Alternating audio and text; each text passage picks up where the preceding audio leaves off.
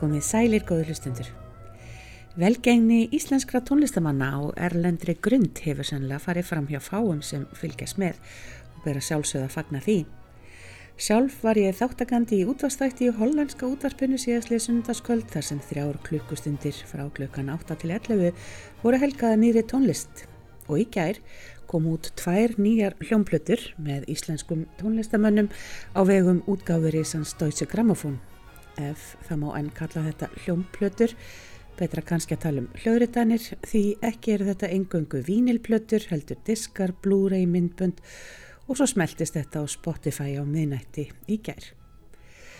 Um er að ræða nýja diskin hans Vikings Heiðar Sólássonar sem margir hafa beðið eftir með mikilli óþreyju þar sem hann leikur verk eftir fransku tónskáldin Claude Debussy og Jean-Baptiste Rameau og verk Jóhanns Jóhannssonars heitins Last and First Men sem frumflutt var í Berlín í februar. Ég mælti mér mótið Lárus Jóhansson í tóltónum og við spjöldluðum aðeins um þetta fyrir bæri Deutsche Grammophon sem hefur verið leiðandi í útgáfi á tónlist, já eiginlega frá upphafi, það er að segja allt frá því að hljóðritanir hófust í kringum aldamótin 1900. En fyrst eitt fallett verk úr smiðji Hildar Guðunadóttur sem einnum að finna útgefið að Deutsche Grammophon, verkið fólk hær andlit innblásið af brottlutningi albanskrar flótafjölskyldu um meðjanótt í Löruglufild árið 2015. Ég bendi áhuga sömum á að þetta verk má einni finna á YouTube með myndbandi. Beint í kjálfarið fyrir við svo í heimsók til Lárusar.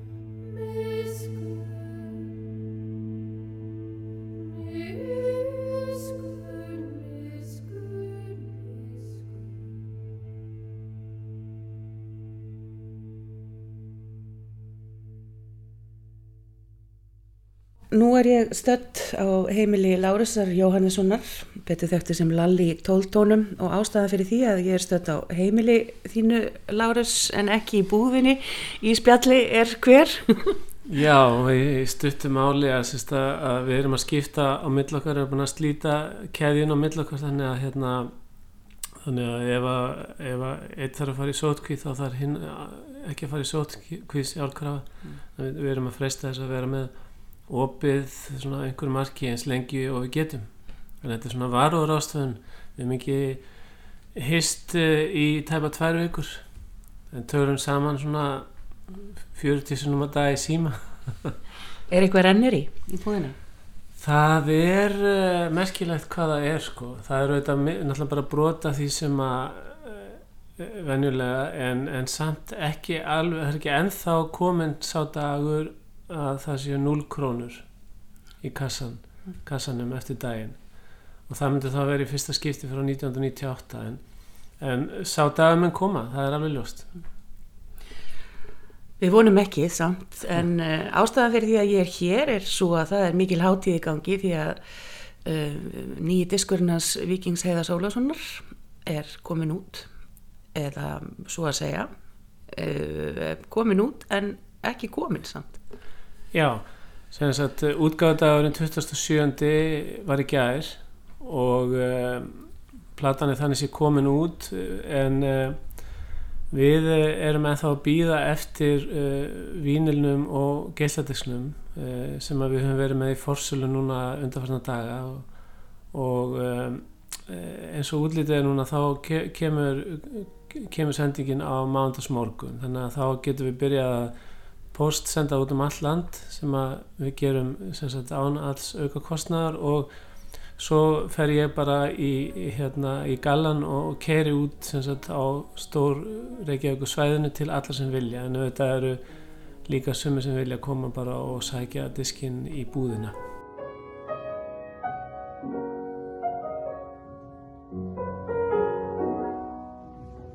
Komið sæl, við langar til að senda hverju hérna heima á stofu til allra sem að eiga um sárstabinda, allra sem eru veikir, allra aðstandenda, allra sem hafa áhyggjur. Tónlist getur verið góð og eindisleg á svona tímum. Philip Glass segir að tónlist sé staður eins raunverulegur og nokkur staður sem að þið hafa komið á og ég tek undir það. Og þó að landamæri sé lókuð þá eru tónlistarlandamæri eins og sannlega gal opinn. Ég er rosalega þakkláttur um Lárissi í tóltónum. Hann þarf að taka að sér að keira út á höfuborgarsæðinu sjálfur plötuna mína sem er að koma út núna á fyrstu daginn 27. mars. Hann verður alveg með mjög sprittaðar hendur og þetta verður allt saman döðlegsað. Tónlistin er samt ekki döður eins og ég get lofaði því. Og mér langar bara til að senda ykkur þessu kvæðu, litlu kvæðu hérna úr að heiman og halda áfram að spila fyrir ykkur aðeins meiri Debussy og vonaði hafa það gott og þessu tími líður hratt og við finnum gleðina.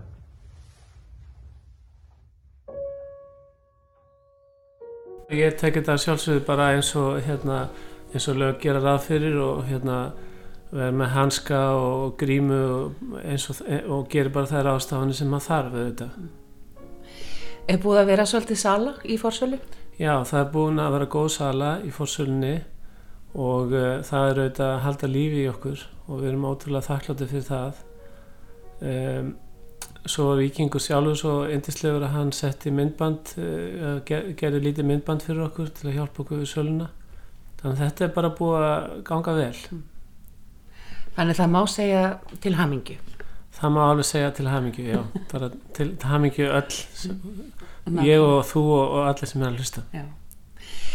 Um, Það sem að ég ætlaði nú ekki beint að tala um bara viking en um, það er þetta fyrirbæri Deutsche Grammophon þessi þetta gula merki sem að allir þekkja sem að hérna maður mann eftir frá því að maður var lítill og þetta voru risanöfn sem voru þarna á þessum blötum og, og einhvern veginn svo fjarlagt að einhver Íslendingur myndi lenda með andlitið undir guðlamerkinu en nú er það ekki bara vikingur heldur það eru, eru talsverð fleiri.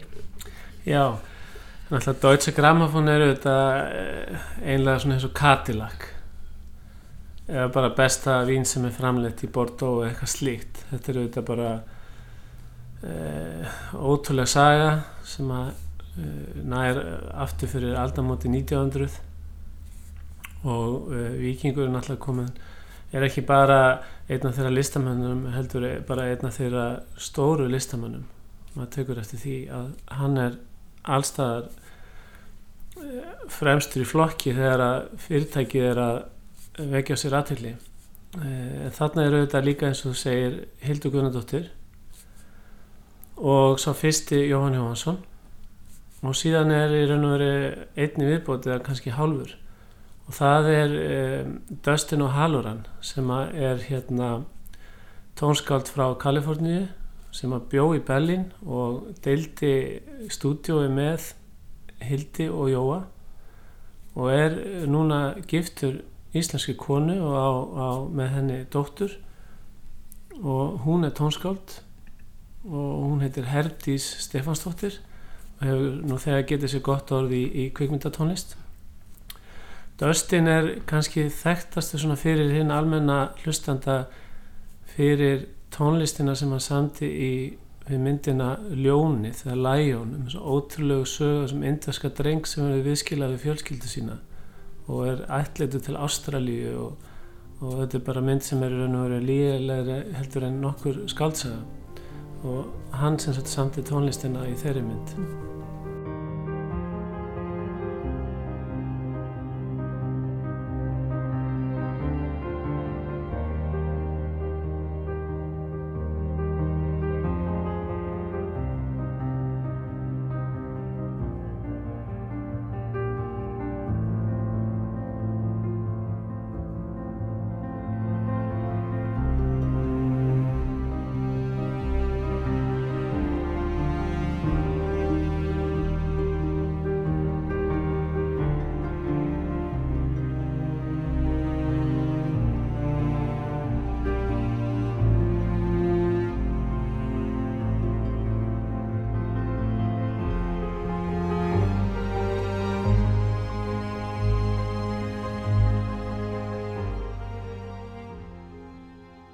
Þannig að við eigum þrjá og halvan Og fjóra hálfan er ekki Anna? Hefur fyrirgeðu, Guðminn Almatur Ég gleymi önnu Náttúrulega nummer 1, 2 og 3 e, Jú, e, að sjálfsögðu. Og hún er náttúrulega í raun og veru kapitul útaf fyrir sig vegna þess að hún í raun og veru hennar fram eins og skjótur. Bara frá því að útskrifast frá Kaliforni og vera bara eitt sko eftirsótasta ungtónskáld samtímas það er bara alveg lígilegt Já, það er það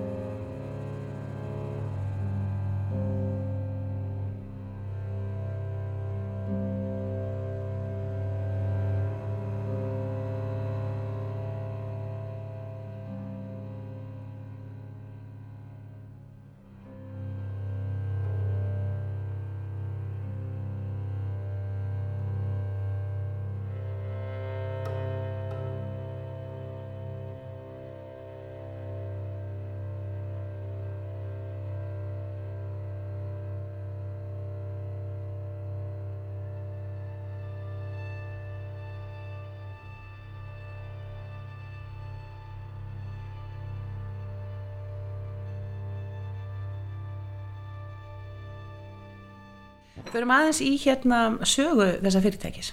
Segði mér örlítið svona frá, frá þessu Cadillac fyrirtæki, Deutsche Grammophon. Já, þeir sem sagt eru sko uh, í raun og veru á, þeir kalla þetta 12. áratugurinn sem þeir eru núna að vinna með og uh, í raun og veru má segja heimili bara allar stærstu nafnarnir gegnum söguna uh, það er raun og veru næstum því sama hver það er nema náttúrulega sem stendur kannski næst okkur.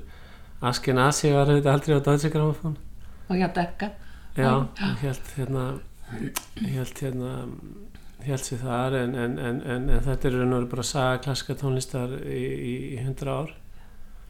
Uh, mér minnir að Caruso hafi gæst að fræga hann sög hann einhverja aðrið einn sko 1905 minnum mig og síðan hefur þetta bara verið óslítið seguganga um, það sem að mér þengi kannski uh, merkilegast við fyrirtækið svona í setni tíð er að, að maður hefur fyrst með því hvernig klassíska tónlistin hún hefur átt í ákveðnum erfileikum þeir hins vegar hafa einhvern veginn bara svona uh, elst. Þeir eru þetta bæði með þessa háklassísku tónlistamenn og er að sinna þeim markaði mjög vel en þeir eru líka búinir að kveikja á svona þessari nýklassík. Og eru með gríðarlega mikið af uh, uh, nútíma tónskaldum að sínu snærum. Og eru að vika svona uh, mörg klassíska tónlista mjög mikið. Og við sjáum það til dæmis í vikingi sem dæmi Uh, hann gaf út Bach Reworks plötu þar sem að hann fær til sig hérna, tónlistamennur einsum áttum og þau eru svona eru nú verið að vika sjóndillarhingin með sagt, verkum Bachs og leika sig með þau og, og, og hérna, sjá svona hvað gerist og þetta. Uh, hann einhvern veginn fellur svo ótrúlega vel inn í svona þeirra nýju svona, hvað það segja, hugmyndafræði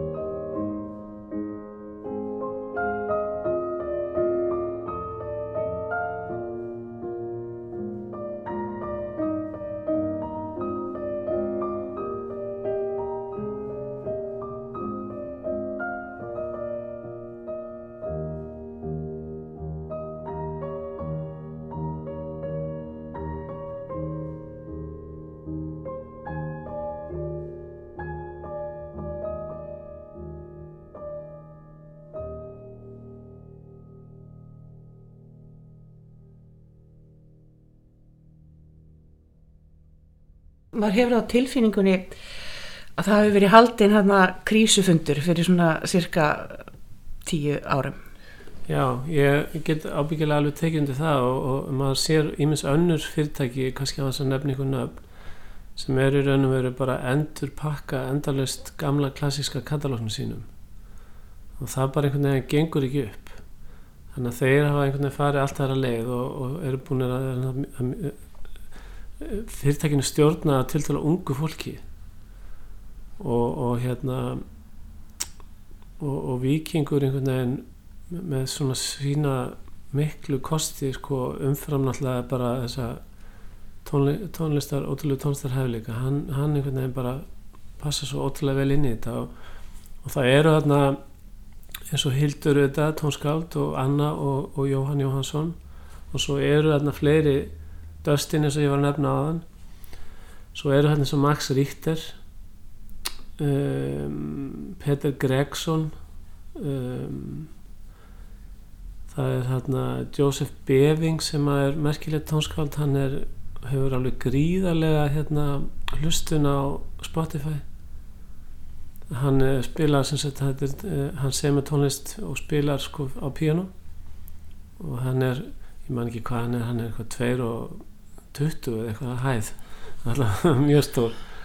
Og hérna er gaman að já, þannig að þeir eru þeir eru svona bara og svo, svo er þau líka að sinna þessari háklassík sko. Eh, þannig að þeir eru að fáti sín unga unga listamenn framháskandi listamenn á öllum sviðum. Þannig að það er ótrúlega gaman að fylgjast með þeim. Þeir eru hérna, hérna fyrirtæki sem byggir á svona ótrúlegum grunni hefur auðvitað ótrúlega mikið svona sjálfströst mm. og eru bara kannski verða svona leiðandi á mörgu leiti í, í þessum, þessum nýja klaska heimi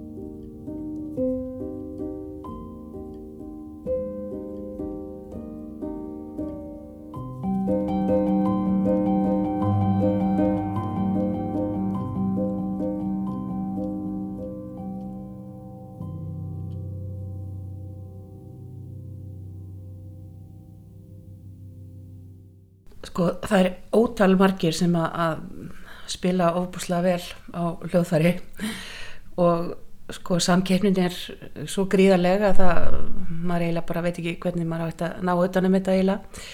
En, en það að, að, að komast svona stert í gegn svona eins og vikingur hefur gert er vantarlega líka að þessi úttalar ekki bara því hann spila gríðarlega vel heldur líka því hann hefur aðra kosti, hann hefur einhvern veginn svona aðra, hann hefur einhvern svo ákveðna sín á tónlistina, hann er ekki bara að spila þetta sem hann var sett fyrir í gamla daga sko, og spilaði betur en nokk tíma fyrr. Hann er einhvern veginn, þú orðaði þetta svo skemmtilega þegar ég var að tala við um daginn að, að hérna, hann væri svona svolítið eins og Björk, hann setti sig í ákveðin búning. Já, sem sagt sko gefum okkur bara það að þetta er náttúrulega bara stórkostlegur um, pianisti en það er bara, það er bara hluta af þessu sko. Vegna þess að hann er náttúrulega bara svo hann er svo vel mentaður og hann er svo gáðaður og hérna og það næri honum ekki að, að punga út bara diskandi diska af einhverju meistaraverkum sem að aðrir eru búinir að hljóðrita í gegnum ára tvíina heldur er hann í raun og vera hann býr til heim í kringum um, útgáðuna sína á sama hátt og Björk gerir. Þó kannski ekki auðvitað, kannski með sambærilegum hætti en samt sem áður eins og með bakplötuna að, þetta er allt saman úthugsað þetta verður svona ótrúlega sterk heild og, og eins hérna platan sem er að koma út núna hún er þannig líka, hún er úthugsuð og, og hérna og það, og, það er saga á bakveðana og fólk fær tekur svo miklu ástfóstur við hann vegna þess að hann er svo tilbúin til þess að leiða fólki allan sannleika um þetta. Og hérna þannig að upplöfinu verður svo sterk. Og svo annað líka að hann er alltaf búin að hlusta svo greiðlega mikið og hann þekkjur auðvitað tónlistasöguna mjög vel og, og, og alla svo gömlu pianista tölum um hérna The Golden Age of Pianism.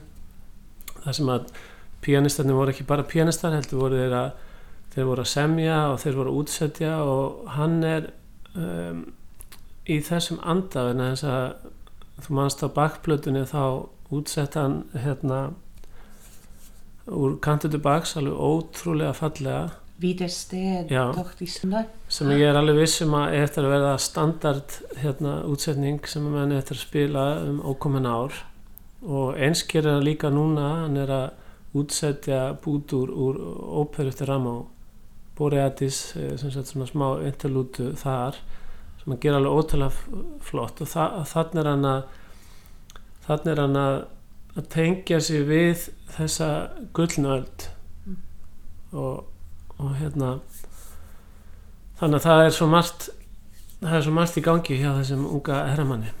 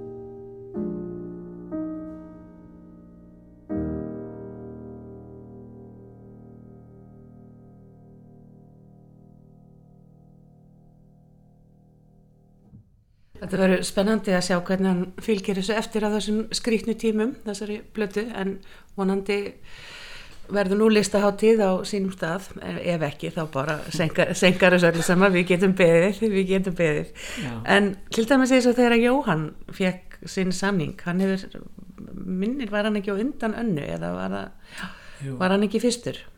Jú, Jói var fyrstur og Jói var í raun og veru uh, fyrsta þannig sko tónskáldi sem að Deutsche Grammophon gerir svona langtíma samning við.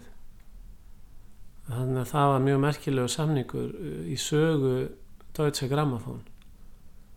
Og, og ég hef heimsótt höfustöðar þeirra nokkur sinnum og, og ég man væntingarna sem voru og, og eins þegar að, eftir að hann lést að þá fór ég til þeirra og hérna og ég fann svo stert að, að hann um, var, var stór hluti af þeirra framtíða sín og þeir voru gjörsanlega eðurlaður auðvitað en, en, en, en þeir hafa verið að gefa út um, um, mikið af hans verkum endurútgefa og gefa út á mjög fallegan hátt og koma til með að gera það næstu ár þannig að þó, þó að hans er fallin frá þá er, að, þá er hann ennþá stór hluti af þeirra e, merki Mm.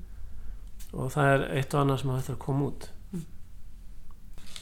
að, að, það, það vil nú þannig til að í gær kom út líka hjá Deutsche Grammophon sem sagt útgáfa Jóhans að sem sagt í raun og veru uh,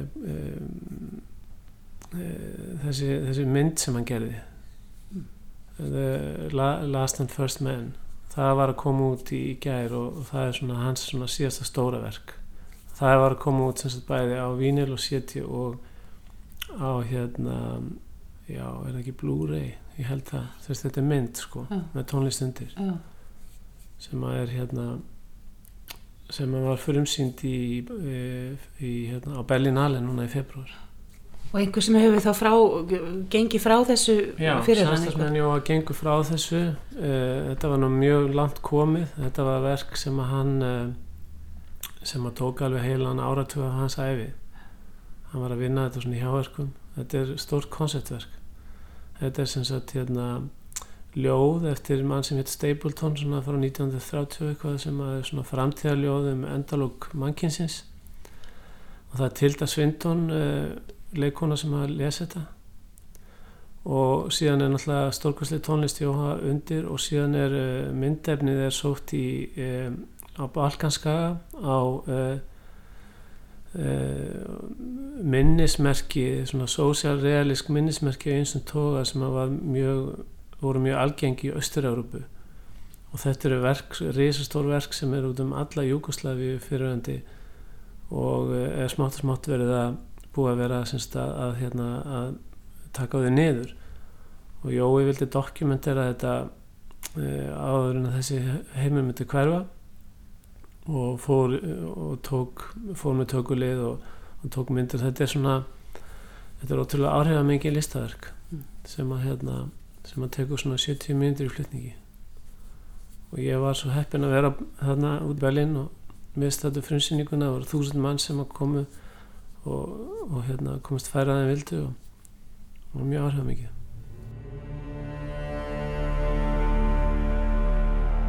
Listen patiently. We, who are the last men, earnestly desire to communicate with you.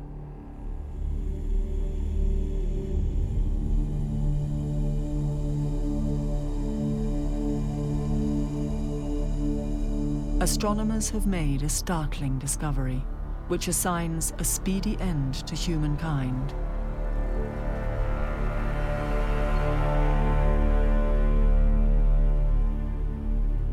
We can help you. And we need your help.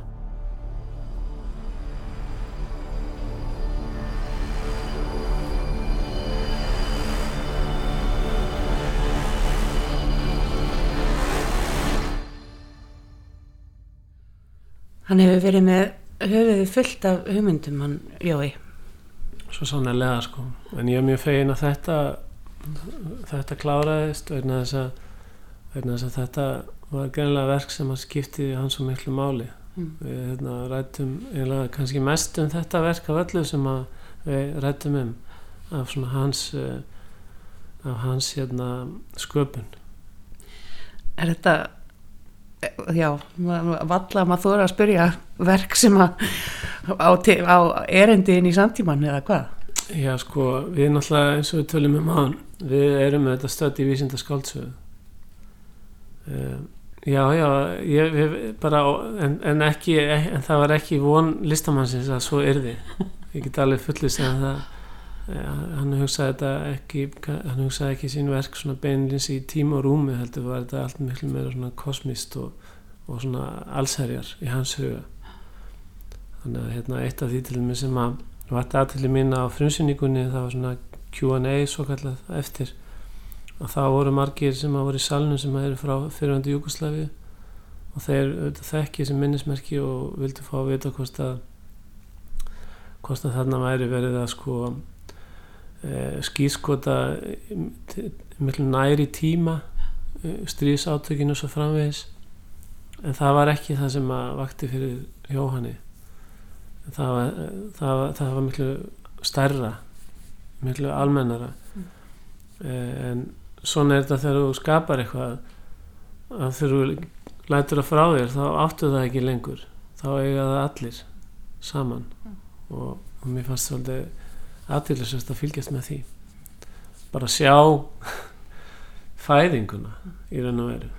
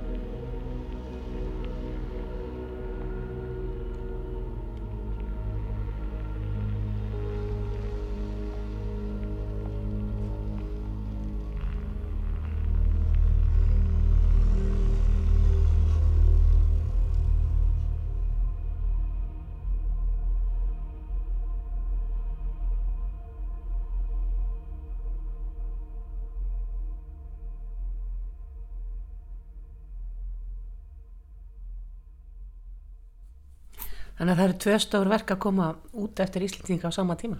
Já, hjá Deutsche Grammophon sem er sem er virtasta útgáðu fyrirtæki í sögu klassiska tónlistar þannig að hérna þetta er vel gert hjá lítilli þjóð Get ekki annað en hugsa hvað allir Karajan hefði nú sagt.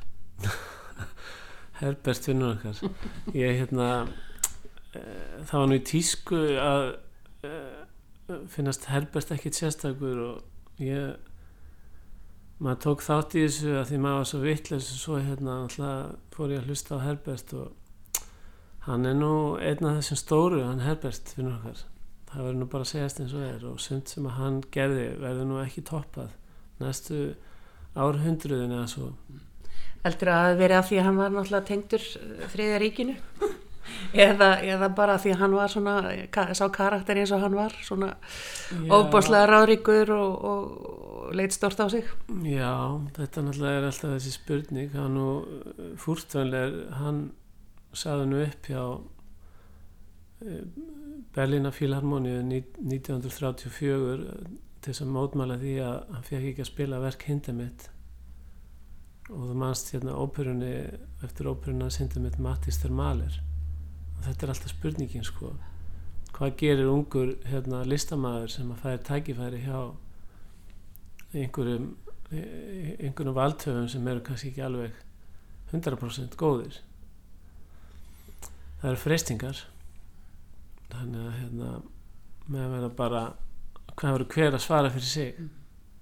og það er auðvitað að hérna kasta stein og glerhúsi en hérna auðvitað e, það er til eitthvað sem er rétt og til eitthvað sem er ránt auðvitað. Annars væri þetta ekki mikil sverði Hafa þið verið að gefa eitthvað endur útgefa með honum, Karajan til dæmis? Já, já. Þeir hafa þeir hafa Karajana og Deutsche er náttúrulega bara er raun og veru samofið. Og þeir gáð út hérna fyrir nokkrum manni síðan alveg ótrúlega flottan kassa með 356 geisladiskum með Karajan og þetta er eins og að e, það likur við að þetta hafi verið bara gefið út í kirkjuformi. Maður bara krossa sig að maður opnar þetta. Átt þú þennan gasa? Já, það getur vel verið að syngsta hérna út í bílskur, ég veit ekki maður þarf að eiga bílskur fyrir svona gasa Já, maður þarf að eiga bílskur, það er ljóst. Það, Já, það er svona menn búið auðvitað misjaflega en það er, það er, það er mjög gott að eiga bílskur